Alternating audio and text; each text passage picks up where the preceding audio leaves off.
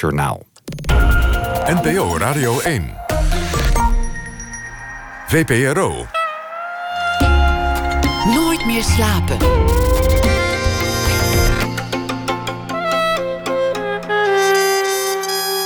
Met Pieter van der Wielen. Goedenacht. Sommige bloemen bloeien in de nacht. Oké, het is januari, er bloeit helemaal niks. Dit is Nooit meer slapen, programma voor slapelozen, neutraal in de talkshow-oorlog. En over nachtbloemen en slapelozen schreef mijn gast komend uur, Peter Buurman, een roman. De titel Een goede nachtrust gaat over inbrekers, shawarma-verkopers en ander nachtleven. Het is helemaal geen grappig boek trouwens, wat je wel zou kunnen verwachten, want Peter Buurman werkte mee aan Zondag met Lubach, De Speld en nu weer aan de satirische show Promenade. En dit is zijn eerste roman. Het begon allemaal met een verhaal dat hij schreef in een uh, bundel vol jong talent. En dat ging over een sinkhole. Dat is zo'n gat waar alles ineens in verdwijnt. Peter Buurman, door zijn uitgever gelanceerd als groot literair talent. Aan zijn boek wordt een driedaagse leesclub gewijd in Noord-Groningen. En ik zou willen dat ik een grapje maakte, maar dat is niet zo. En hij maakt ook nog verschillende podcasts over literatuur, over voetbal en andere gewichtige zaken. En hij is potverdorie 27 jaar oud. Peter, hartelijk welkom. Dankjewel. De Nacht, daar gaat, je, daar gaat je boek over. Je had in geen beter radioprogramma kunnen landen met dit, uh, ja. met dit werk. Ja, ik, ik, maakte al wel eens de grap dat, uh, dat deze titel eigenlijk een open sollicitatie was om, uh, om in dit programma te gast te zijn. dat opent wel een wereld voor andere titels. Om in andere programma's te gast te kunnen zijn. Als je elk boek naar een programma toe zou moeten schrijven, dan. Dan, uh, dan heb ik nog wel wat te doen. Heb je nog, wat, nog wel wat, wat, goed ja. nieuws is natuurlijk. Ja. Ben, ben, je ook een, een, nachtmens? Heb je er iets mee? Heb je, heb je een speciale liefde voor de nacht of juist afgrijzen nee. voor de nacht? Nee, valt eigenlijk wel mee. Dit is natuurlijk wel een vraag die ik steeds krijg. Er zijn een paar personages in dit boek die, uh, die kampen met slaapproblemen. En dan vragen mensen of dat, of dat autobiografisch is. Maar eigenlijk ben ik. Uh, ben ik echt een heel makkelijke slaper. En ook een vroege slaper? Nee, niet per se vroeg. Nee, soms, soms heb ik geen zin om te slapen. Ik, dus ik, uh, soms vind ik het gewoon te leuk. Dan ben ik gewoon iets, iets aan het kijken. Of ik ben iets aan het lezen en dan kan ik niet stoppen. Dus ik ga soms vrij laat naar bed. Misschien helpt dat ook wel om gewoon dan meteen uh, in slaap te vallen. Maar ik heb zelf dus geen slaapproblemen. Maar ik denk wel dat dat uiteindelijk de reden is dat ik dit boek heb geschreven. Omdat uh, omdat ik me daardoor wel kan verbazen over mensen die, die er wel last van hebben en hoe die ermee omgaan. Uh, ik denk uiteindelijk, zeg maar, als je slaapproblemen hebt, dan is, is dat heel vervelend en wil je dat graag oplossen. Dan zijn er allemaal mensen die jou gaan vertellen van hoe je dat dan kunt oplossen. Uh, en dan moet je zelf allemaal dingen aanpassen in je leven. Dus je moet bijvoorbeeld minder op schermen gaan kijken. Of je moet geen, uh, geen koffie drinken na, na, na dat of dat tijdstip. Terwijl dat zijn allemaal dingen die je dan zelf moet gaan doen. Dus het is eigenlijk het idee van, nou, als je dat dan doet, dan ga je wel weer goed slapen. Uh, terwijl ik denk dat slapen is ook een beetje het loslaten van de controle. Dus zou ook het tegenovergestelde kunnen zijn. Dus, dus juist die druk, ik moet nu slapen, zorgt ervoor dat je niet kan slapen. Ja, je ligt wakker van ik denk dat dat herkenbaar slapen. is voor iedereen, ja. Ja, dat heb ik zelf ook wel eens. Niet elke nacht, maar dat heb ik wel eens, ja. Ik heb, ik heb een aantal keer op verschillende plekken gelezen dat mensen het probleem vaak overdrijven. Ze denken dat ze de hele nacht wakker liggen, maar eigenlijk hebben ze, hebben ze prima geslapen, maar misschien een half uur of een heel uur wakker gelegen. Ja. En dan lijkt dat een enorm slapeloze nacht. Is ook verschrikkelijk natuurlijk. Ik bedoel, dan lig je in je bed. Voor je gevoel kan je ook geen kant op. Uh, de, tijd gaat heel traag, kom je dan achter. Maar inderdaad, ik denk dat uh, volgens mij is het wel zo dat je, dat je soms wegzakt zonder het zelf door te hebben. Um, en dan zijn er zo, weet je wel, dan zijn er zo twee uur verstreken. Of dan is het toch opeens licht. Of is het toch opeens ochtend geworden. dus ja, ik denk, ja, ik kan me best voorstellen dat je het op die manier zelf overdrijft. Omdat je misschien niet altijd door hebt dat je wegzakt of zo. Dat is niet het enige aspect van het boek. De mensen die niet kunnen slapen. Je hebt ook mensen die vanwege hun beroep s'nachts op moeten zijn. Om te beginnen de, ja. de inbrekers. Klopt ja. Want, want de nacht heeft een slechte reputatie. Toch, toch het domein van mensen die inbreken of, of andere zaken doen die het daglicht niet ja. kunnen verdragen. Of die shawarma verkopen. Ja, dat is ook iemand die, die, die vaak s'nachts aan het werk is. Uh, op een of andere manier krijgen mensen dan uh, zin in shawarma ergens in de nacht. Uh, dat, is, dat is een reusachtig misverstand volgens mij. Want je krijgt zin in shawarma omdat shawarma als enige nog open is. Mm. En daardoor zijn mensen gaan denken dat shawarma lekker is in de nacht. En dan, dan op een gegeven moment is het een soort cirkel geworden waar we niet meer uitkomen. Waardoor, waardoor je, je veroordeeld bent tot shawarma Nou, na een zeker nou sla je wel een van de, de pijlers onder dit boek... eh, sla je er wel genadeloos onder vandaan. Nee, ja, ik, dat, dat, dat klopt misschien wel. Ja. Op een of andere manier zijn dat wel altijd de, de tentjes die s'nachts open zijn. Dus dat, het voelde ook als een heel logische plek om... om dit boek speelt zich af in één nacht. Ja, dat voelt als een heel logische plek... om daar dan ook een shawarma-tent of een shawarma-zaak in te plaatsen. In Parijs verkopen ze om vier uur s'nachts oesters. Dat heeft tenminste een beetje allure. Ja, maar daar zou ik, dan- daar zou ik s'nachts echt totaal geen zin in hebben, denk ik. Oh ja, ja, nee, tuurlijk. Jij wel? Ja, zeker. Dat ik na het werk nog een oestertje zou kunnen, kunnen halen. het, het begint met een, een inbreker die de bewoner ontmoet. De grote angst van elke bewoner, de grote angst van elke inbreker. Ja. En in plaats van een bruut gevecht met een honkbalknuppel ontvouwt zich iets anders. En wat dat precies is, dat blijft in het midden. Het is niet per definitie meteen vriendschap, dat is logisch met zo'n introductie. Maar het is ook niet meteen animositeit. Nee, ik denk eigenlijk wat er, eh, wat er in eerste instantie gebeurt is... eh, die inbreker treft, treft die bewoner waarvan hij dacht dat hij er niet was. Ehm, en hij is eigenlijk onmiddellijk bezorgd over die, die persoon. Dus in eerste instantie is het bezorgdheid. De empathie neemt het over ondanks zichzelf, ondanks de situatie. Ja, eh, en dat is ook eigenlijk, toen ik dit boek aan het schrijven was, dit begin. Dus een, een inbreker die een, die een bewoner treft eh, en op dat moment bezorgd wordt in plaats van dat hij de confrontatie aangaat of vlucht. Dat was het, eigenlijk het idee dat ik had. Dat was het idee waarmee ik begon. Ik wist nog niet hoe het, hoe het ging eindigen, maar ik vond dat interessant omdat. Ehm, ik vroeg me ook eigenlijk af van, van wat zegt dat dan over zo iemand? Ik vind het wel heel interessant dat je eerste reflex bezorgdheid is. Maar dat ik wel benieuwd was van ja, wat, wat volgt daar dan op? En hoe ontvouwt zich dit dan? Empathie wordt vaak geprezen, terwijl het heel onhandig kan zijn in tal van situaties.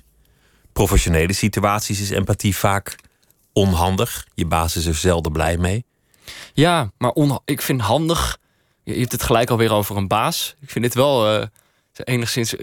Het is misschien voor het, het kapitalisme is eh, empathie niet altijd handig. Maar ik denk dat je, eh, zeg maar, van mens tot mens is, is empathie van, eh, van levensbelang. Het is een moreel verschijnsel waar je het predicaat handig of onhandig niet meer op mag plakken. Ik, ik denk dat het dan vertroebelt, ja. Maar medelijden met een inbreker lijkt me een klassiek geval waarin het niet nuttig is, niet bijdraagt Oh, nee. aan de ontstaande Nee, nee, nee. situatie. Nee, hij is ook geen goede inbreker. Dat is ook echt. eh, maar dat is vanaf de eerste bladzijde, denk ik wel duidelijk. Of eh, vanaf zijn intrede in het, in het verhaal. Ja, hij is er niet zo goed in. Eh, en dat komt deels door zijn persoonlijkheid, ja. En de situatie waarin die werkt. Want, want je hebt een soort Uber voor inbrekers bedacht. Een Ja. app waar elke inbreker zich op aansluit. En een heler die al wacht met het in ontvangst nemen van de goederen op een afgesproken plek. Mhm. Ja, dat, is, eh, dat begon eigenlijk met het idee van... eh, ik wilde een wereld waarin, waarin inbreken net iets normaler was dan in onze wereld. Dus in onze wereld is het, is het toch echt wel illegaal. Dat doe je niet. Terwijl hier is het nog een soort, een soort baantje. In ieder geval voor deze, deze inbreker in mijn verhaal. Ehm, dus het is, het, is, het is wel uit nood geboren, maar het is niet een soort enorme. Hij gaat niet een enorme drempel over. Er is gewoon op een gegeven moment is er dat bedrijfje. eh, hoe, hoe succesvol dat bedrijfje is, blijft dit verhaal een beetje in het midden. Maar dat aan hem vraagt van, eh, is dat niet iets voor jou? En eh, het is niet dat hij denkt van, oh, dit is, dit is mijn roeping. Maar het is wel, hij denkt, ja, zo moeilijk kan het volgens mij niet zijn. En hij gaat het dan gewoon maar doen. En is er dan niet heel erg goed in. Samen verdwijnen ze op de brommer in de nacht. Komen op allerlei plekken in de stad. En alle personages die kruisen elkaars paden. Ben je op onderzoek uitgegaan om de, om de sfeer van de nacht te vinden? Nee, nou niet, niet zozeer op onderzoek, nee. Eh, Of ik, of ik, of ik ook echt s'nachts naar buiten ben gegaan. Is dat, Ja, eh, naar shawarma-tenten, rijdend op brommertjes of... eh, Nee, de meeste van die plekken kende ik eigenlijk al wel. Dus eh, ik, ik ben misschien op onderzoek uitgegaan zonder dat ik wist dat ik dit boek ging, ging schrijven. Dus gewoon door me, door me wel eens in de nacht te begeven. Eh, Je kende het wel, want je, je hebt de sfeer van de nacht, vind ik wel mooi gevat. Mooi beschreven. Ehm, ja, maar uiteindelijk is het ook gewoon. Kijk, nu zit ik ook hier. En dan ben ik ook naar, naar, naar het Mediapark toegekomen. En dan vind ik, je kijkt naar dat Mediapark, is onmiddellijk ook helemaal uitgestorven. Terwijl overdag is het hier hartstikke druk. En nu zitten we hier met, met z'n tweeën in de studio. Eh, maar verder gebeurt er gewoon niet zo, niet zo gek veel. Dat is ook gewoon al. dat gegeven vind ik ook interessant. Iedereen is weg of zo. Het is opeens heel rustig. Heel stil. En, en de paar mensen die elkaar zien, die, die groeten elkaar stilletjes. Ja, Tijd heeft ook een andere dimensie. En zo'n mediapark is, is misschien minder druk dan overdag, maar het is, het is niet minder levendig. Want het is overdag eigenlijk ook een dode boel. Ook al Oh. doet iedereen heel druk, toch? Ja, nee, dat, zijn, dat zijn jouw woorden. Ik, ik kom hier niet zo vaak dat ik, eh, dat, ik dat op die manier eh, ervaar. Maar ehm ja, s'nachts... Kijk, het is ook... eh, ik kan s'nachts wel... Je hebt gewoon soms dat moment dat je s'nachts naar huis fietst. Je bent ergens geweest, het is een uur of twee of zo. Dat kan ook je kan ook een enorm gevoel van vrijheid hebben op zo'n moment. Ook doordat iedereen al in bed ligt en heel veel mensen er niet zijn... en dat opeens wat ja, je kan misschien niet zo ver zien of zo, maar het voelt daardoor misschien wel veel ruimtelijker dan, eh, dan de dag. De dag, dan kan iedereen je zien. Misschien is dat het ook wel. Het, eh, Of je moet nog van alles, of hebt in ieder geval een Ja. soort inwendige klok die tikt. ja, dat klopt. De nacht, eh, kijk, het is niet, dus het kan heel vervelend zijn om s'nachts wakker te liggen, maar het kan ook juist een enorme vrijheid bieden als je s'nachts dan eh, toch al wakker bent. Ehm, dus ook daar ben ik naar op zoek gegaan. Want ja, voor een deel gaat het over slaapproblemen. Ehm, in ieder geval voor een paar personages. Maar het, het gaat ook. eh, ehm, het gaat naar mijn idee ook wel over de, de, de vrijheid die je s'nachts kan hebben. Doordat er weinig mensen zijn, maar ook, ik bedoel, zelfs al lig je in je bed en je slaapt wel. Dromen is denk ik ook een, eh, ook een soort vrijheid die we, die we goed zouden kunnen gebruiken. Die we misschien nog niet, niet genoeg gebruiken. Er zijn ook veel wetenschappers en kunstenaars die juist s'nachts werken omdat dat meer inspiratie biedt. Die stilte. Ja, ik, ik heb ook al eens gelezen dat. En dat is natuurlijk. Toen ik begon met dit boek schrijven. ehm, wist ik nog niet hoe dat moest. Dit is mijn eerste boek. Dus ik moest, zeg maar, ik moest zowel dit boek schrijven. maar ik moest er ook nog achter komen hoe ik dat dan precies moest doen. En dan, weet je, alles wat je leest. Dat schrijvers zeggen: zo doe ik het, zo doe ik het. Bij alles, le- alles wat je leest, denk je: ja, moet ik het dan ook zo doen? Of zou dit voor mij ook werken? Maar dat je inderdaad dan leest: sommige mensen schrijven s'nachts. Want dan vinden ze het zo'n lekker idee dat dus iedereen ligt te slapen. Dat ze niks missen op dat moment. Dat ze gewoon alleen maar dat verhaal hebben. Ik weet niet of dat per se eh, voor mij geldt. Plus dat ik het ook. Het is toch eens, soms, vaak moet ik toch ook gewoon overdag wel werken. En dan is het onhandig als je. Als je de hele dag hebt zitten, zitten typen. Ja. Eh, dus ik heb, ik heb wel vooral overdag zitten typen. Maar ja, dan moest ik soms op zoek naar dat gevoel van die nacht. Maar op een of andere manier denk ik dat iedereen het gewoon ook wel kent. Dus je hoeft dat ook niet per se. Actief te onderzoeken, Nee. zoiets. Het heeft voor mij altijd een soort vriendelijkheid, de nacht. Het is niet grimmig, het is niet, niet angstaanjagend. Kan dat Het is natuurlijk wel. niet bedreigend. Ja, ja, ik heb dat niet. Ik vind, ik vind het een, een beleefde sfeer. Je wordt minder van de sokken gereden. Hoewel de ene automobilist die er nog is waarschijnlijk dronken is, maar toch? Eh, ja, nou ja, ik, ik denk ook. Ja, het is vriendelijk, maar ik denk dat het, er zitten ook gewoon wel gevaarlijke kanten aan de nacht. Zeg maar, ja, ik bedoel, dit, dit is dan toevallig een heel vriendelijke inbreker die je in dit, die je in dit boek treft. Maar er zijn natuurlijk ook gewoon onvriendelijke mensen die zich, die zich s'nachts bewegen. En die zich s'nachts ook vrijer kunnen bewegen doordat iedereen ligt te slapen. Dus ja, eh, ik, Ja, je kunt dat ook niet echt op een dagdeel plakken natuurlijk. Vriendelijk of onvriendelijk. Misschien niet, nee. Eh, nee. Maar ik denk wel inderdaad, door, door bijvoorbeeld verplichtingen waar je het net over had, overdag of door werk of zo. Ik denk wel dat we daardoor onvriendelijker worden. Eh, als je overdag op straat loopt, word je inderdaad niet zo gauw gegroet of zo.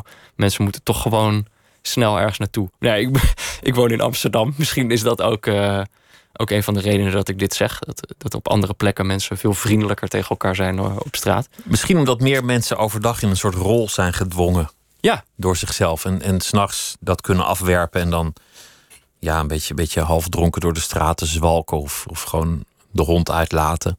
Ik denk wel, dat is natuurlijk wel eh, waar mijn boek ook wel over gaat. Dat s'nachts. eh Zijn soort, wie je wil zijn. Dat s'nachts kan een soort vrijheid ontstaan van die rol die je overdag misschien hebt. Eh, doordat bijvoorbeeld eh, als je eenmaal gaat slapen eh, en je droomt, de, enige die dat ziet, dat ben jij zelf. Terwijl als je overdag rondloopt, kan iedereen zien wat jij aan het doen bent. En dan zit je opeens in een gedeelde wereld. Iedereen, iedereen kan elkaar zien. En ik denk, dan word je al gauw verplicht om een bepaalde rol aan te nemen. Doordat andere mensen jou, jou kunnen zien. Ehm, maar dus, dus S'nachts is dat gewoon minder het geval. Doordat het donker is, ben je al moeilijker te zien. Uh, maar ook dus als je zelf ligt te dromen, weet ook niemand wat jij precies aan het doen bent. En ik denk dat je daardoor een soort vrijheid krijgt om net misschien af te stappen van die rol. Of nou ja, misschien als die rol je heel goed past, om gewoon precies in die rol te blijven. Dat mag ook. Vrijheid is voor jou belangrijk, vermoed ik. Als ik je zo hoor praten. Omdat het thema langskomt. als een thema van je boek. Ja. Maar het is volgens mij ook een groot verlangen in jouw bestaan om, om vrij te zijn of je eigen pad te kiezen. Uh, ja, ja, zeker wel. Ja, ik denk dat dat. Het is, het is een beetje raar om, je, om jezelf dan te, te psychologiseren eh, in zo'n interview. Maar uh, ja, ik denk wel dat dat zit wel in mijn natuur. Uh, ik bedoel, je noemt de dingen waar ik heb gewerkt, de speld bijvoorbeeld. Ja, dat, dat gaat voor mij ook om vrijheid. Weet je, je, je hebt een bepaalde vorm, maar je wil je, je automatisch tot die, tot die vorm gaan verhouden. Je wil er eigenlijk een beetje aan, aan ontsnappen. Uh, en, en, en dat is denk ik wat mensen dan ook op zo'n moment grappig kunnen vinden bij zo'n stukje. Iets net een beetje omkeren of net iets verder doordrijven, waardoor de waarheid in een ander daglicht komt en ineens absurd wordt. Maar ik denk dat dat dus ook vrijheid is. Want we, hebben allerlei manieren om, uh, om, om over van alles en nog wat te praten. We hebben zelf allerlei regels bedacht over hoe dat precies moet. En, uh, en satire bijvoorbeeld op, op de speld is ook... Uh, je gaat op zoek naar, naar vrijheid. Je probeert eigenlijk van die regels weg te komen. waardoor je naar mijn idee inderdaad soms dichter bij de realiteit kunt komen. Door uit te zoomen, je kijkt op een afstand, je beziet het en dan, en dan, dan denk je ineens: wat, wat is hier eigenlijk voor iets raars aan de hand? Ja, en uiteindelijk is in, in dit boek, kijk, dat is natuurlijk soms de vraag dat mensen dan, uh, die weten dan dat ik voor de speld schrijf. En dan denken ze, nu is dit boek er, is dat dan een soort. Uh, grapjesboek of zo. Maar ik denk dat ik, ik daar op dezelfde dat, manier... Ik verwachtte dat het een heel komisch boek zou zijn... waarbij je zou bescheuren van het lachen. Dat, dat is het helemaal niet. Het is, het, is, het is meer een literair boek geworden. Nee, maar ik denk dus dat ik in dit boek op dezelfde manier... ook op zoek ben gegaan naar... Kijk, terwijl je het aan het schrijven bent... kom je er automatisch achter dat verhalen hebben ook allerlei regels. Dus dan ben ik daar ook weer op zoek naar, naar een soort vrijheid... van hoe kan ik hier uitkomen? Um, hoe kan ik het anders doen? Waarom, waarom is dit eigenlijk zo? Ja, en, en, en, waarom structureren wij, wij, verhalen zoals we ze structureren? Waarom, waarom hebben wij zelf verzonnen dat het op een bepaalde manier moet? En ik denk uiteindelijk dat dat door veel mensen wel als grappig kan worden ervaren. Dus uh, uh, ik, zou, ik, wil niet ik denk dat je er ook wel om kan lachen. Het is niet een, een strikt ongrappig boek, maar het is niet, niet een, een boek dat de lach actief hard opzoekt nee. of zo. Nee, nee maar het, dat is dan uiteindelijk ook wel weer ik, toen ik dit begon te schrijven, was het nog zo dat ik dacht: van, ja, mensen moeten ook snappen dat ik een. Uh, dat ik, een, dat ik ook serieus kan zijn. Dat ik niet alleen maar grapjes maak. Um, terwijl ik er gaandeweg eigenlijk ook wel achter kwam dat, dat grappen op een bepaalde manier toch ook mijn, wel mijn natuur zijn. Dat dat wel gewoon is. Dat het niet zomaar een trucje is dat ik heb aangeleerd, maar dat het ook is wie ik ben. Uh, dus ik ben gaandeweg tijdens het schrijven ben ik ook steeds meer wel weer daar naartoe gegaan. Um, naar, naar, het komische. Ik, ik las een aantal dingen die jij voor, voor de speld hebt geschreven. En, en wat ik wel geestig vond om te ontdekken, is dat de satire van de speld vaak zo dicht bij de werkelijkheid ligt. Het, het is niet eens twee stappen verder of, of iets volledig omdraaien. Het is, het is vaak maar een minuscule verplaatsing van de werkelijkheid. Ja.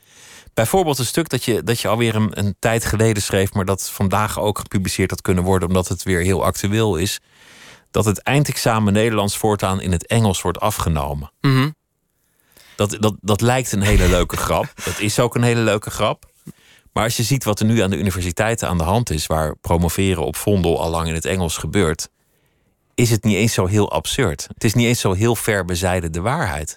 Ja, terwijl ik heb zelf, zelf heb ik Nederlands gestudeerd. Het mocht allemaal gewoon in het Nederlands. Ik heb ook een masterscriptie in het dat, Nederlands. Dat kan nooit heel lang geleden zijn. Uh, nee, dat is, dat is dit jaar vier jaar geleden. Dus dat is inderdaad niet super lang geleden. Uh, maar ja, dat was, het is natuurlijk ook zo, op, op zo'n moment is dat dan een discussie. Zo van, dan wordt er te veel Engels gesproken op de universiteit. Um, ja, uh, en dan wordt het inderdaad, de minuscule verandering is dat dan ook het examen Nederlands in het Engels wordt afgenomen. Um, maar hoe vind je dan dat dat dichter bij de, bij de werkelijkheid komt? Nou, omdat het, het, het lijkt een heel absurd gegeven. En, en daarmee ook typisch de speld. Je moet erom lachen. Het eindexamen Nederlands voortaan in het Engels. Mm En Volgens mij zijn er wel bureaucraten in de Nederlandse onderwijswereld die zo'n maatregel prima zouden kunnen nemen. ja, ja, misschien is dat ik zo. zou, ik zou ken niet, niet. niet mij in mijn koffie verslikken als het morgen echt in de krant zou staan. Ja, ja nou kijk, eh, om het dan eh, misschien op een iets eh, abstractere manier te zeggen. ik denk inderdaad dat het zo is wat je zegt. Dat als je iets vervormt, dat je dan soms dichter bij de werkelijkheid kan komen. Omdat die rollen die we hebben bedacht, of regels die we hebben bedacht, die brengen ons eigenlijk verder van de, de werkelijkheid af. Terwijl we bedenken ze allemaal om de werkelijkheid te beschrijven. De conventies bedoel je? Of Ja. de, de Oh ja, vaste de manieren waarop misschien. het... Ja, of gewoon. we hebben gewoon bedacht hoe iets hoort. En we hebben bedacht wat normaal is en wat niet normaal is. En we hebben heel gangbare manieren om over dingen te spreken. Maar doordat ze zo gangbaar zijn, denk je niet altijd meer na over wat ze precies beschrijven, wat ze precies zeggen. Ehm, en ja, dat is natuurlijk iets waar op het moment dat ik zo- zo'n boek schrijf, is dat ook het probleem. Want ik merk ook gewoon, ik ben me aan het uitdrukken in de taal. Maar wat ben ik aan het omschrijven? Over wie heb ik het nou eigenlijk? Dus ik merk ook tijdens het schrijven, je bent daar zelf automatisch, word je daar ook onderdeel van. Dus van, van patronen, van clichés, van, van Ja. verwachtingen. ik, ik dwing ik schrijf over mensen. Dat denk ik dan in ieder geval. Weet je wel niet dat ze werkelijk bestaan, maar ik ben toch echt over mensen aan het schrijven. Maar ja, ik, ik maak dan toch ook rollen van ze. Ik maak ook personages van ze, waardoor ik die mensen over wie ik aan het schrijven ben, eigenlijk die vrijheid aan het ontnemen ben. Eh, zeg maar die, die vrijheid die ik omschreef. Van, ja, zelf wil je vrijkomen van zo'n zo'n rol die je wordt, eh, wordt, eh, waarin je wordt gedwongen. Maar ja, dat doe ik dus ook bij die personages. Dus dat was dan een worsteling waar ik ook gaandeweg dit verhaal in terecht kwam. Ik dacht, ja, ik wil eigenlijk die personages moeten zich daar op een bepaalde manier toch weer aan kunnen aan mij kunnen ontworstelen. Aan de bedenker, aan, aan het cliché dat jij Ja. van ze gemaakt hebt. En ik denk, uiteindelijk is dat wel, denk ik, een, een, een satirische eh, eh, reflex. En ik denk dat, dat mensen dat ook grappig kunnen vinden in, in zo'n boek. Terwijl het is tegelijkertijd is het voor mij ook een. eh, een dus ook gewoon een menselijke kwestie. Zeg maar. Het is niet alleen maar een vormelijke kwestie. Ik vind het zelf soms ook vervelend als je in een rol wordt geduwd. Dat je altijd maar de vriendelijke jongen bent. En dan denk je, zou ik eigenlijk niet een bullebak kunnen zijn? Ja, Ik noem maar Ja, iets. ja of, of misschien op, op, op een iets ander niveau. Zeg maar ja, als je dan voor mij moet omschrijven wat ik precies eh, ben. Terwijl voor mijzelf voelt het heel logisch. Ik, voor mij is eigenlijk alles, alle verschillende dingen die ik doe. eh, ik hoef niet een verschillend pak aan te trekken voor die verschillende dingen die ik doe. Als ik voor televisie schrijf, als ik een boek schrijf, als ik voor de speld schrijf. Ik ben overal ongeveer hetzelfde voor mijn gevoel.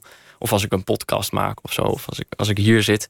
Terwijl eh, als mensen dat moeten gaan omschrijven, dan raken ze soms een beetje in de war. Dan, eh, Want hier is het hilarisch en hier niet. Wie, Ja. wie zijn de speld eigenlijk? Wat, wat, wat is dat voor instituut en hoe kom je daarbij? en, en, en waar werkt dat dan? En, en, en hoe kom je daar binnen? En Nou hoe ja. ziet zo'n dag eruit? Wat, wat, wat, wat, is dat eigenlijk? Ik vind eh, het is heel grappig. Dat was, dit was natuurlijk ook.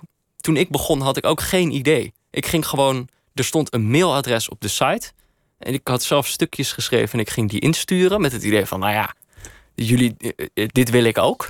Eh, maar ik had eigenlijk nooit goed erover nagedacht van wie zijn dit dan? was en naar wie mail ik dit eigenlijk Info at despeld.nl Ja, of zoiets? redactie, het, spe- het spel.nl bestaat volgens mij nog steeds.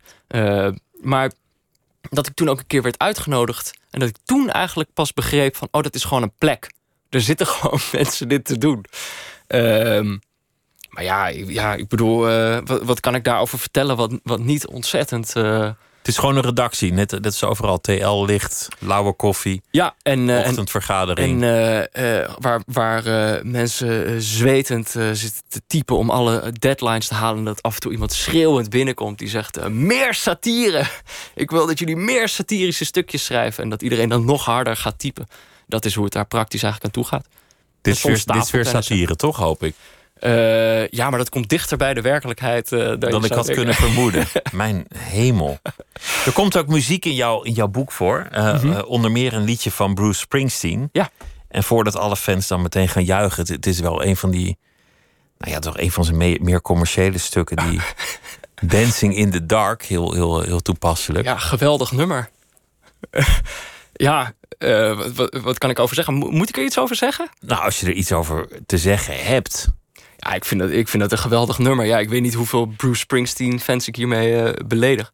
Dat is tegelijkertijd, het is ook niet per se mijn soort muziek of zo. Het zegt niet per se iets over mijn smaak. Maar het grappige is, als je zo'n boek schrijft, is dat je op een gegeven moment ook je gaat alles betrekken op het verhaal dat je zelf aan het schrijven bent. En, eh, en het, het grappige in dit, in dit lied is volgens mij ook dat het gaat volgens mij ook een beetje over Bruce Springsteen. Eh, die zich stoort aan het feit dat mensen een hit eh, van hem willen. Tenminste, dat lees ik dan een beetje in die Een, tekst. een man die, die op leeftijd komt, vastzit, niet meer weet hoe die verder moet, alles wil veranderen. En, en, en er vast zit in het duister. Ja, en Dancing in the Dark, weet je wel, dit boek gaat over, over de nacht. Er wordt ook in, in, in gedanst op een gegeven moment. Eh, dus op die manier voelt het zeg maar extreem toepasselijk. Dus dan hoor je dat en denk je, oh, dit gaat gewoon over mijn verhaal. Ehm, terwijl, En, in de videoclip danst hij op het podium, haalt dan een willekeurig meisje uit het publiek. En, en dan zag je die clip en dan dacht je, oh, goh, nou dat is toch zo spontaan en zo gewoon gebleven. En, en dat, je zou het maar dat meisje zijn. En dat werd later heel toevallig oh ja, een hele beroemde actrice. nou ja, zul je altijd zien. Dus dat, Ja. nou ja, dus kan natuurlijk gewoon toeval zijn, Ja, maar... dacht het ehm, niet. Zullen we luisteren naar Ja, dat, eh, dat ja, laten we dat maar gewoon doen. Wat kan ik er ook over zeggen?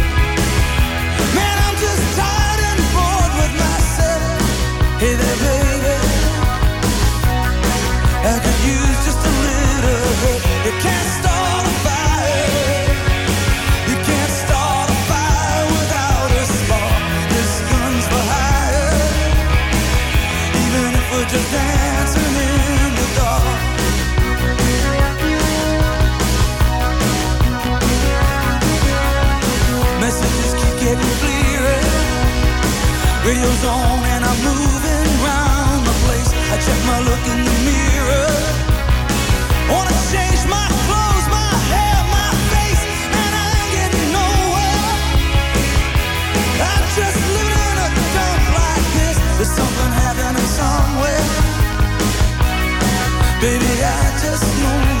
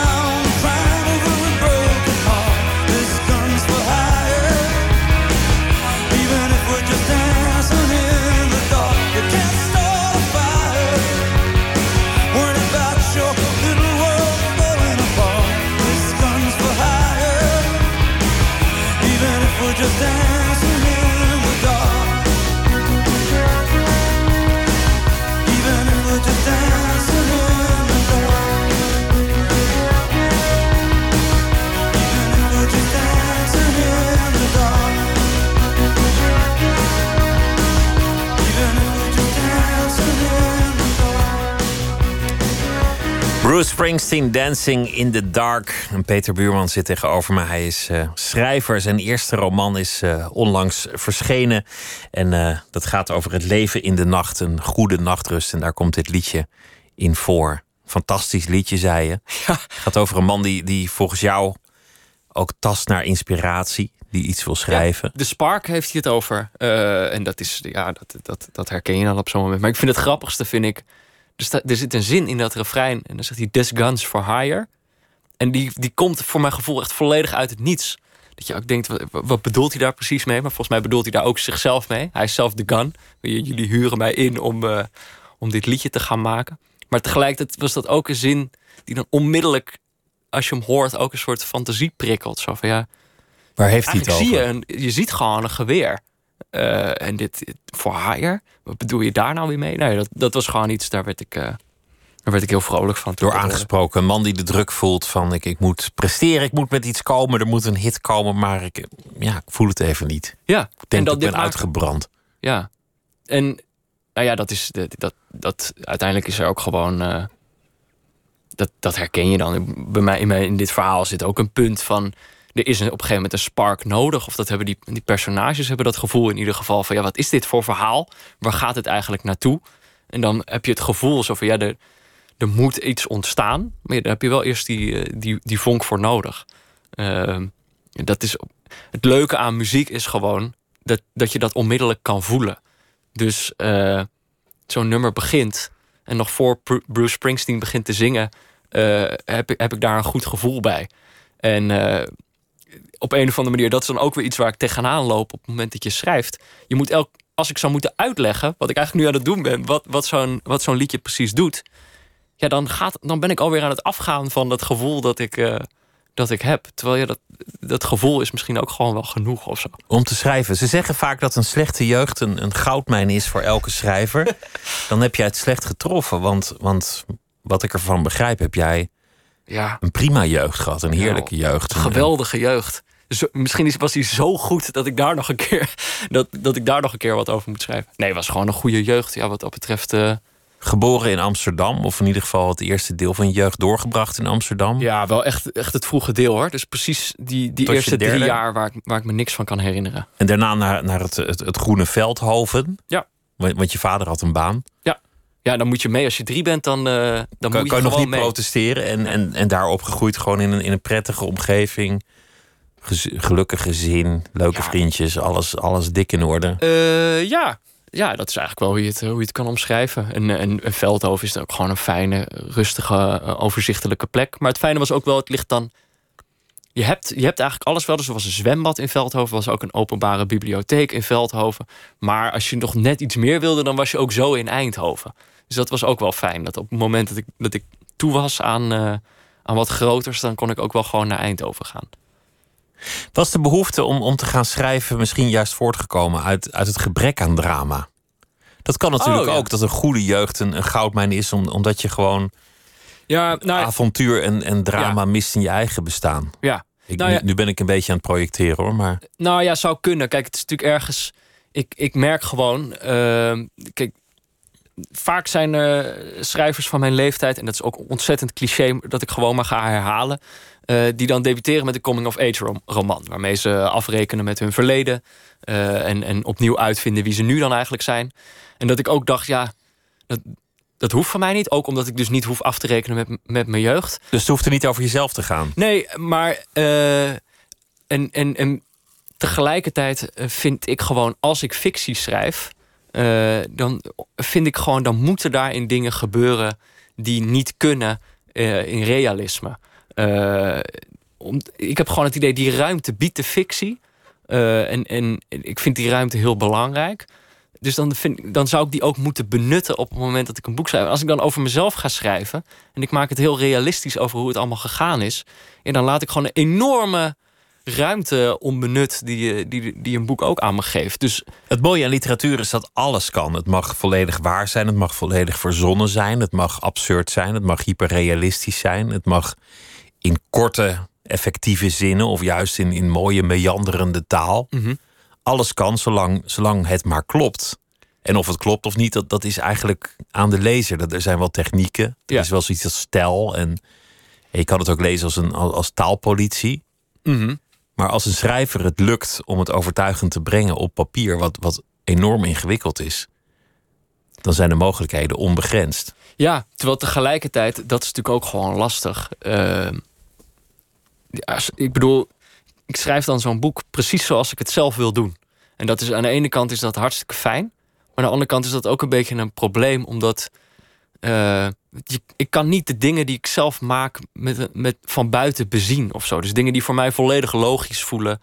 Of eh, weet je wel, de, de onderliggende betekenissen die voor mij volstrekt vanzelfsprekend zijn, die kunnen andere mensen volledig ontgaan.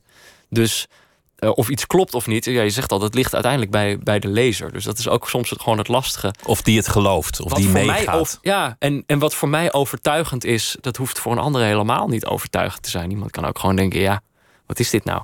Wanneer, beda- wanneer nou bedacht je dat je wilde schrijven? Eh, Wist, wist je dat als kind al? Nee, het, nee, denk het niet. Ik denk dat ik wilde wel altijd iets, iets, iets maken en vertellen. Ik denk dat ik dat wel altijd heb gehad. Maar ik, ik, schrijven was meer een beetje... Dat, dat moesten andere mensen... Weet je, dat moest dan een leraar Nederlands... die moest dan voor mij bedenken van... moet je dat niet gaan doen? En dat ik dan dacht, ah ja, misschien moet ik dat wel gaan doen. Ehm, maar ik denk... Het was zelfs zo, toen ik Nederlands studeerde... dan zit je met... eh, wij hadden nog een vrij grote, grote lichting in dat eerste jaar... Dan zit je daar in de collegezaal en dan is er altijd een docent die zegt: Ja, jullie willen zeker allemaal schrijver worden. En dan meteen daarna de vraag stellen: van nou, steek allemaal eens je hand op als je schrijver wil worden. Terwijl, en dan, op dat moment stak ik niet mijn hand op, kan ik me herinneren. Dat ik dacht van ja. Wat wilde je wel? Wat had je dan wel voor beeld? ehm, nou, ik was dus wel altijd dingen, dingen aan het maken. Eh, dus eh, nou ja, dat was toen ook nog wel, wel muziek aan het maken. Of ik was, was met, met filmdingen aan het doen. Eh, maar ook dus aan het schrijven. En ik, ik deed altijd gewoon een beetje waar ik zin in had. En waar ik, waar ik een goed gevoel bij had. Ik probeerde wel heel, heel veel te doen. Om dat wel gedisciplineerd te doen. Maar eh, uiteindelijk dacht ik, die, die gedachte kan ik me wel her- herinneren. Dat ik op een gegeven moment dacht van ja, ik wil gewoon eigenlijk dit doen. Maar dat ik er dan voor betaald word. Dus dat ik het niet alleen maar als hobby doe. Maar dat ik gewoon altijd kan blijven doen wat ik wil doen. Eh, maar dat ik er dan nog geld voor krijg ook. Dus het was niet zozeer dat ik alleen maar dacht... ik wil schrijver worden ten koste van alles. Ik, maar ik wil dus eigenlijk gewoon eh, kunnen blijven doen wat... eh, Wat, wat je natuurlijk komt. ja, wat, eh, waar ik zin in heb. Maar dat klinkt zo, zo stom, maar gewoon waar ik een goed gevoel van krijg. Ehm, ja, dat klinkt ook stom eigenlijk. Nee, Eh, maar ik, ik, begrijp, ik begrijp het eigenlijk Ja. eh, wel. Maar goed, niemand droomt ervan om bij de verzekering te komen te werken. Nee, nee, dat is waar. Dat, dat zijn compromissen. Er is vast niemand die dacht toen hij klein was van... oh, later. Ja. Maar dat is natuurlijk ook die, die angst hoort erbij hoor. Want eh, bedoel, dat is dan ook wel een eh, gesprekken die ik wel, die ik wel met mijn ouders heb, heb moeten voeren. Zo van ja, het voelt ook zo gek om ervan overtuigd te zijn dat dat dan lukt. Ehm, en ja, ik had die overtuiging wel, maar tegelijkertijd ook de gedachte van ja, ik weet ook dat die niet per se ergens op gebaseerd is. En, eh, maar ja, eh, uiteindelijk is het wel gelukt. Zeg maar, ik ben nu al wel vijf jaar aan het doen wat ik wil doen en dat ik er ook voor betaald krijg. Dus Je bent er één keer uitgeflikkerd bij, eh, bij Lubach. Ja, ja, zo zou je het kunnen zeggen, ja. Hoe gaat Ja. dat? Hoe doet Lubach dat? Doet hij dat zelf? Of heeft hij daar iemand voor? Of, of stuurt hij dan... Oh nee, dat doet hij absoluut eh, zelf. Maar uit, eruit geflikkerd is ook wel echt een veel te groot en, eh, en dramatisch woord, hoor. hoe, hoe ging het dan? Eh, nou ja, kijk, misschien bij het begin beginnen. Ehm, eh, ik, ik werd gevraagd om een week mee te lopen. Eh, gewoon eh, meeschrijven eh, aan, aan, aan een aflevering van Zondag met Lubach. Ja, en die, die week ging toen heel goed. Dus die week werd nog een week en nog een week en nog een week. En dat werd toen een heel seizoen. En toen ging ik ook het tweede seizoen daar werken. Ehm, en toen bleek gaandeweg dat seizoen bleek op een gegeven moment ook wel dat, ik nog best wel wat te, leren had. Dat mijn natuur misschien ook wel iets anders ingaf dan het programma van mij vroeg. Ik was toen ook nog, eh, nog jonger dan nu. Eh, ik was toen 23. Eh, ja, er waren gewoon meerdere factoren waarop het op een gegeven moment gewoon wel verstandig was dat ik ook iets anders ging doen. En dan roept en, hij eh, apart en dan zegt hij... hoe vind je zelf dat het gaat? En Nou, het is natuurlijk hoe zie je de toekomst voor je? Het is- En het is niet zo dat ik, eh, dat ik eh, twee jaar in de droom heb geleefd. Dat het, dat het allemaal, of twee seizoenen in de droom heb geleefd. Dat het allemaal op rolletjes ging. En dat er opeens zeg maar, het gordijn open gaat. En dat dan blijkt van je kan er niks van. Nee, ja, je voelt. Ik bedoel, ik voelde dat zelf ook wel. Van, ja, maar kijk, zelf wil je dan bewijzen dat je het wel kan. Het is ook gewoon heel prettig als iemand dan gewoon tegen je zegt van joh. eh, dit werkt je, niet. je bent wel goed, maar ga gewoon, ga gewoon ook wat anders doen. Eh, en bedoel, dat is iets heel noodzakelijks. En op de mom- dat moment zelf. Maar volgens mij heeft iedereen in Hilversum... Die, die ook maar iets van leiding geeft, de cursus gekregen... dat je mensen geleidelijk aan zelf de beslissing laat Oh, nemen. ja. Dus dat, dat je het vuurtje langzaam opstookt van... Ja, vond, kijk, vond je dat zelf nou is- heel goed? Kijk, maar het is natuurlijk ook heel goed mogelijk dat, eh dat, dat Ik weet Arjen... niet of Lubach die cursus heeft gehad. Nee, maar het is natuurlijk goed mogelijk dat, dat Arjen dit hoort... en dat hij denkt, ah, volgens mij is dit heel anders gegaan. Dus het is ook typisch een verhaal achteraf... waar ik nu heel makkelijk over kan praten... eh, om, omdat het me gelukt is om daarna nog wat anders te gaan doen. Misschien had ik er een veel negatiever verhaal van gemaakt... als het was mislukt. En heb ik het nu positiever Nou ja, gemaakt. je, je was ook niet. 23. Het zou wel heel tragisch zijn als daarna niet iets anders Nou alsnog ja, zou lukken. Het is natuurlijk wel, dat is wel, het is wel een, eh, een klap voor je zelfvertrouwen. Dus het is wel eh, een moment waarop je moet gaan nadenken van... Oh, ja, wil ik dit dan eigenlijk wel echt? Kan ik dit eigenlijk ook wel echt? Dus in die zin heeft het me ook gewoon wel veel geleerd. Ik ben er wel achter gekomen dat ik het daadwerkelijk wilde. Eh, en dat ik dan ook wel echt wel beter in dit soort dingen wilde worden. Want je hebt ook wel eens op een podium gestaan als comedian. Dat heb je ook wel eens geprobeerd. Ja, nou ja, eh, ik, heb, ik heb bijvoorbeeld ook open podia gepresenteerd terwijl ik nog studeerde. En dan had ik nog wel eens het idee van ja, misschien is dit het dan. Eh, maar ja, ik heb, ik heb zoveel geprobeerd. Maar het is wel interessant dat je zegt van, van de mislukking die je niet onderuit werkt, dat, dat is een teken van motivatie. Dan weet je wat je wel wil. Ja, maar ik vind mislukking is dan eigenlijk ook al een, eh, Een te al groot woord. is gewoon een groot woord. Want het, het ligt altijd gewoon wel iets, iets genuanceerder. Eh, en ik bedoel, het was ook niet één groot fiasco. Het was gewoon van, hé hey joh, eh, ga. Weet je wel, jij moet gewoon, ja, precies. Volgens mij is het goed voor jou als je gewoon wat anders gaat doen. Het eh, programma Promenade, waar je nu voor werkt, dat, dat is een soort talkshow die alle clichés van de talkshow gebruikt. Net op het moment dat Nederland verzeild is geraakt in een talkshow-oorlog, Mhm. waar, waar toch ook hele keurige media volledig in meegaan, in, in dat idee dat iedereen daarmee bezig is. De strijd tegen dat, dat programma op één en eh, Ja, kijkcijfers Dat programma is, op ontzettend, eh, is ontzettend belangrijk. Ja. Eh, en dat geldt ook voor ons programma. En, ik bedoel, Want, want dat is het grappige. Jullie, jullie nemen het op de hak, maar tegelijk worden jullie ook langs diezelfde lat gelegd van scoort dat programma nou wel? Ja, maar dat is natuurlijk ook echt eh, dat is het, dat is het belangrijke. Je moet hoge kijkcijfers hebben, want dan is het goed. Eh, dus dat is ook waar we met, met Het volk beslist. Eh, nou ja, het volk. Ja, nou, de mensen met een kijkcijferkastje. Dat zijn ze niet allemaal. Er zijn een paar mensen die zo- die zo'n kastje hebben. Maar ja, dat is inderdaad dan een representatieve af- afspiegeling van het volk beslist. Ja, ik weet niet. Wat bedoel je daarmee? Het volk beslist. Nou ja, als het kijkcijfer hoog is, dan hebben mensen gekeken. Ja, Vervolgens dan zal het wel goed zijn. Ja, dus ja, en je Want kan mensen gaan niet kijken naar iets dat slecht is. Nee, maar iemand die zichzelf met benzine overgiet. Dat wil ik ook zien. Ja, dat wil je zien. Maar is, daar- is daarmee goede televisie? Misschien wel. We zouden het een keer moeten proberen. Misschien is dat iets Eh, voor zeg, dat, zeg dat nou niet, want, want volgens mij zijn er Nee, genoeg talkshows in nood die. Ja, je hebt gelijk. Ja. Eh, In, in promenade is dat natuurlijk wel een gegeven waarmee je kunt spelen. De paniek die op een zeker ogenblik uitbreekt op een redactie wanneer de strijd verloren dreigt te raken. Eh, ja, maar het is. Ja, je, kijk, eh, wij hebben gewoon bij Promenade wel het idee van dat het een. eh, eh, wij geloven gewoon heilig in dit format. En, en, en we gaan ook door tot, tot mensen dat, dat zullen gaan begrijpen. Tot ze zien dat het wel of geen satire is, bedoel je? Nou ja, het is, het is een talkshow. Het is gewoon een talkshow zoals, eh, zoals alle andere. En eh, kijk, en we doen het wel net iets anders. Hè. Wij proberen wel echt in een gat te gaan zitten. Dat, eh, Oh, nu ga je ook in de clichés praten die, die erbij horen.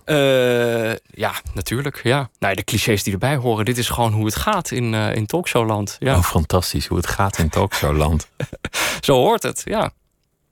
Wel mooi dat een talkshow een eigen vorm heeft gekregen. En als je die gewoon consequent volhoudt, dan, dan heb je ook weer iets.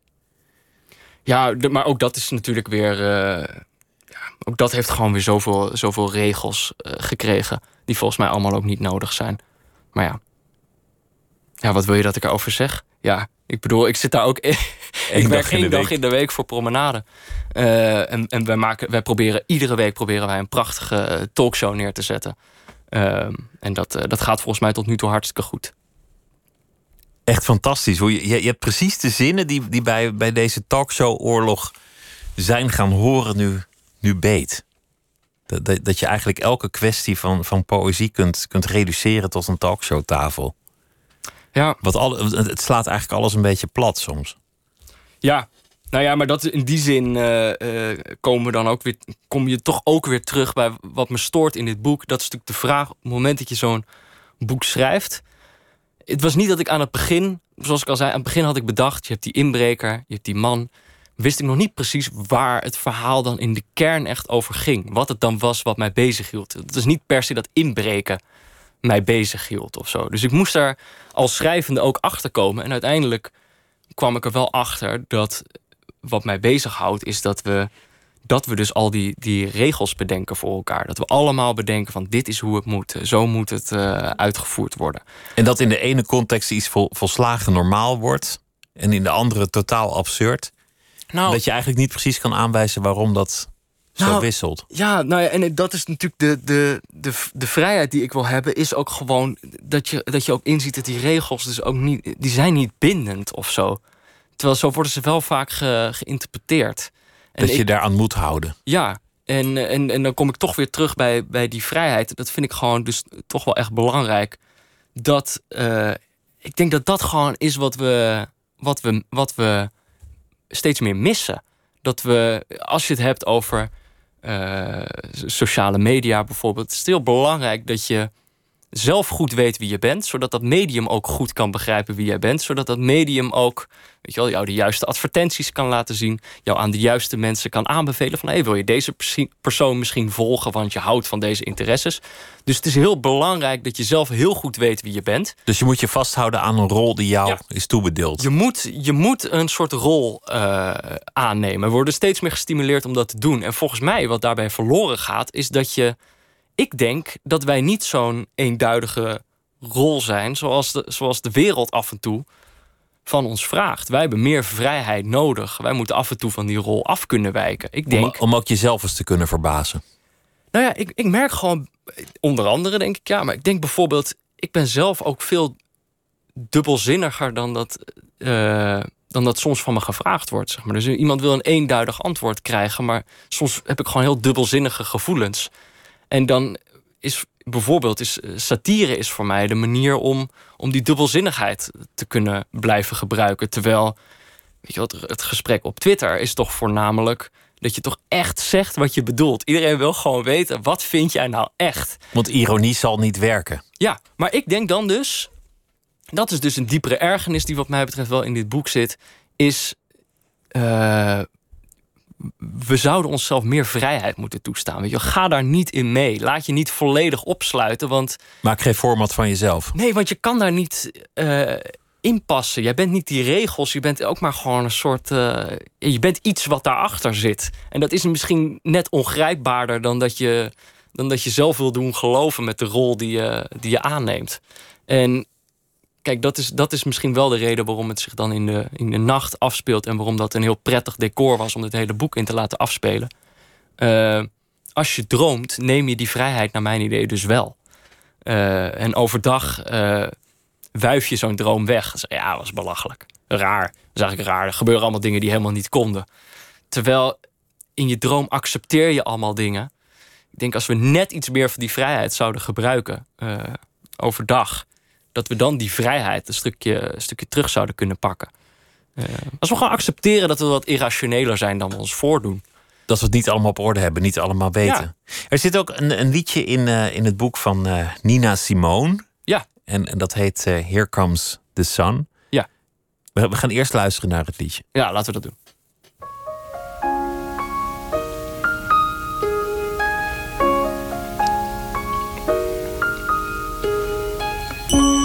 Comes the sun, little darling.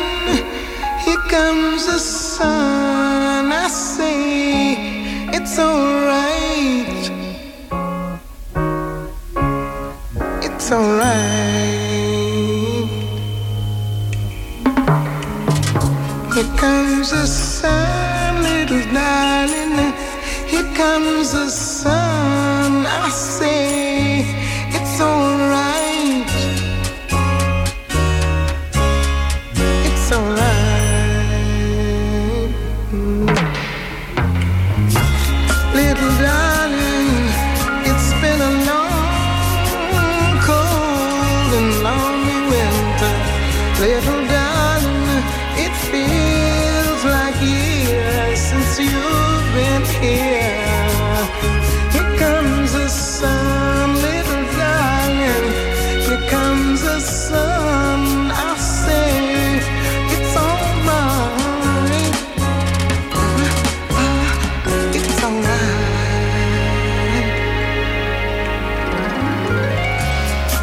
vida.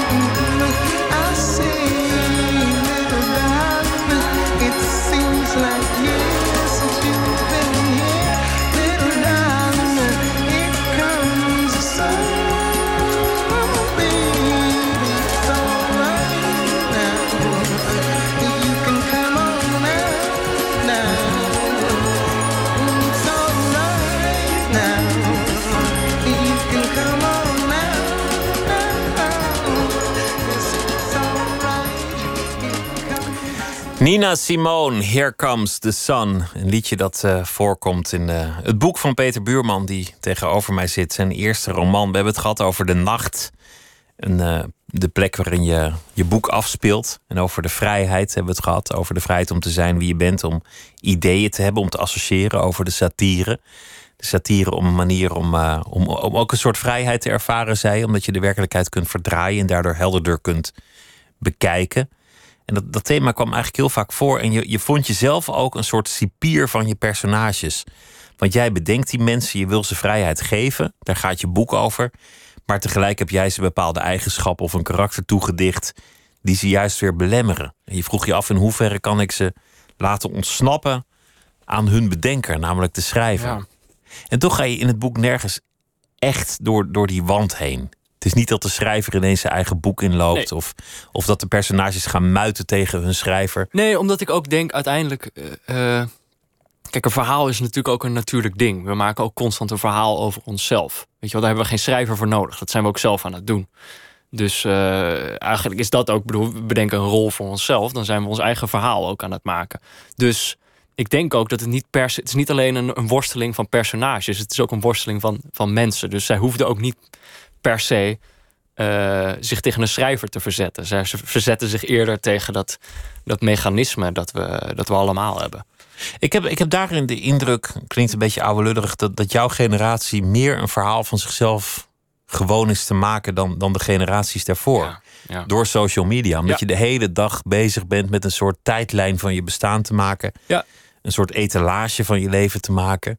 Dat hoeft niet alleen negatief te zijn hoor, maar om, om een soort ja. Betoog te maken van wie je bent. Ja, en dat wordt dus vaak wordt dat voorgesteld als, eh, als een soort eh, kracht. Zo van dat eh, kan je toch. Die verkopen zichzelf. En ook je kan je eigen verhaal maken. Maar ik denk dus dat het ook ja, gevaarlijk kan zijn. Dat je jezelf ook in een bepaald verhaal kan dwingen.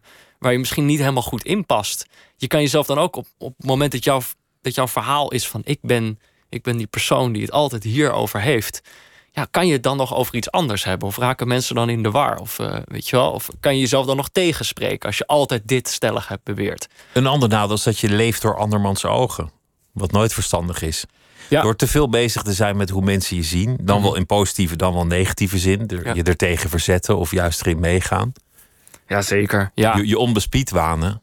ja en dat is natuurlijk, ik bedoel, dat, dat is op sociale media is dat natuurlijk ook het geval. Weet je, wel. je maakt een verhaal van jezelf ook in de hoop dat mensen dat op een bepaalde manier zien.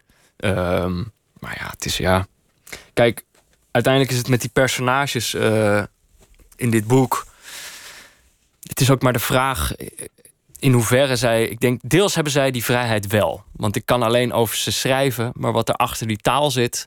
Ja, dat weet ik niet. En daar heb ik ook geen, geen macht over. Dus Ze, ze ook nemen ook een loop met jou ja, uiteindelijk. ik kan zeggen van ik heb hun eh, gevangen genomen. Maar op een bepaalde manier is het me ook niet gelukt om ze volledig te vangen. Weet je. Eh, de- mensen die achter de, de personages zitten die ik heb gemaakt, ja, die, die, ik weet niet wat ze voor dit boek doen, wat ze voor dit verhaal doen. Ik weet niet wat ze daarna doen. En, en ik, tijdens het verhaal heb ik ze geprobeerd te vangen. Maar dat lukt gewoon niet altijd. Daarachter eh, zijn ze toch gewoon nog zichzelf, denk ik. Je schreef eerder een verhaal over iemand die in een soort virtual reality woont. Of een soort Truman Show. In een, in een, in een werkelijkheid Ja, of die dat niet alleen maar denkt. Wat volgens Of- mij ook een heel menselijke gedachte is. Je kunt nooit helemaal weten of het waar is of niet. Ja. Of alles in je hoofd zit of niet. Of, of, of het wel bestaat of niet.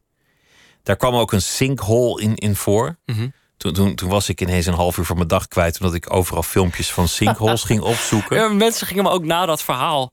eh, eh, gingen ze me ook al steeds. Als er ergens een sinkhole was, gingen ze me dat nieuwsbericht eh, sturen.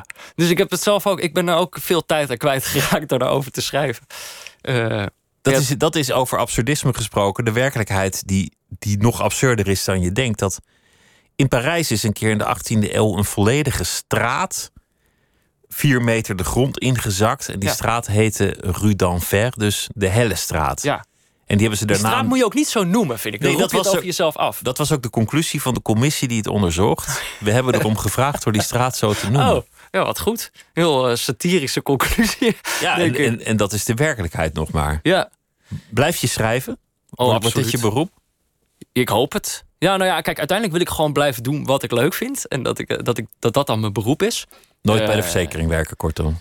Eh, nou ja, of het moet een heel leuke verzekering zijn. Of, eh, maar nee, ik, ik blijf wel schrijven, ja. Dit, dit is me heel goed bevallen. Omdat het, eh, ik heb nog niet eerder... Kijk, je noemt al die dingen op die ik heb gedaan. Dat zijn allemaal toch een beetje korte termijn dingen. Het is ook eigenlijk altijd voor iemand anders. Dit is gewoon helemaal mijn eigen ding geweest. En dat is zo'n... ook dan ook echt over een langere termijn ergens mee bezig kunnen zijn. Ik heb in die zin gewoon ook wel meer geleerd over... Die dingen die ik nu allemaal heb verteld, die wist ik niet.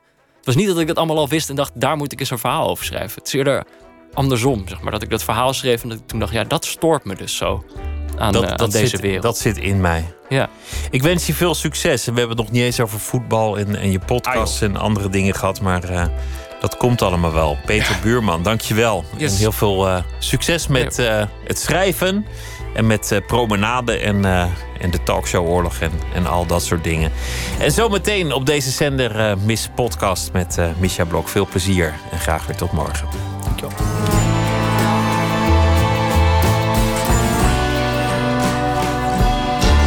Op Radio 1. Het nieuws van alle kanten.